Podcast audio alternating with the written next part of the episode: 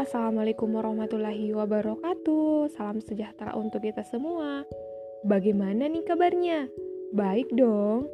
Apa? Kurang sehat? Nggak semangat? Ah, tar dulu deh. Makanya, dengerin nih podcast saya.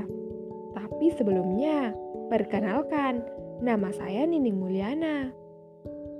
Saya akan membahas mengenai pemanfaatan limbah cangkang kemiri.